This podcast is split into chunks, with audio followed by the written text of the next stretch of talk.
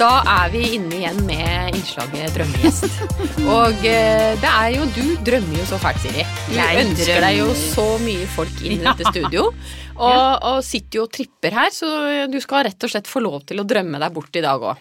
Det skal jeg, ehm, for man vet jo aldri. Plutselig en dag så sitter vedkommende her. Ehm, det kan man jo alltid håpe på.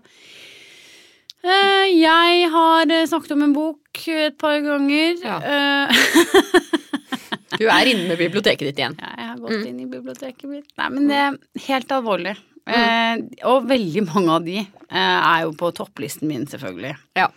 Eh, fra spøk til alvor, før jul nå så skulle jeg ønske meg av hele mitt store hjerte eh, et besøk fra eh, samlivsterapeut og forfatter eh, Bjørk Mathiasdatter, som har skrevet denne boken som jeg har snakket Ja. om tidligere. Ja.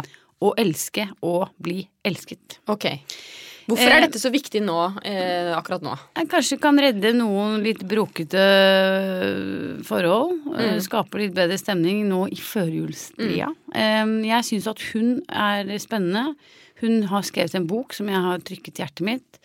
Jeg har spørsmål, eh, og jeg tror jeg kan, eller vi, eh, kan lære litt av henne om dette med parforhold, samliv, kjærlighet, elske og bli elsket. Det er sant. Men hvis du hadde ett spørsmål nå du kunne røpe, hvis hun var her nå, hva ville du spurt henne om? Å, herregud. Mm. Hva skal jeg gi Stig til jul? Nei da.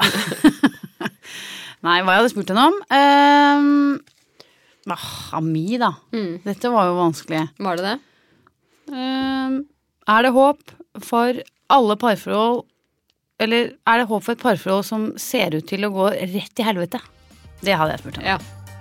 Ja, bra spørsmål. Det gleder jeg meg. Håper at hun kommer. Å, fytti rakkeren, ja. God helg.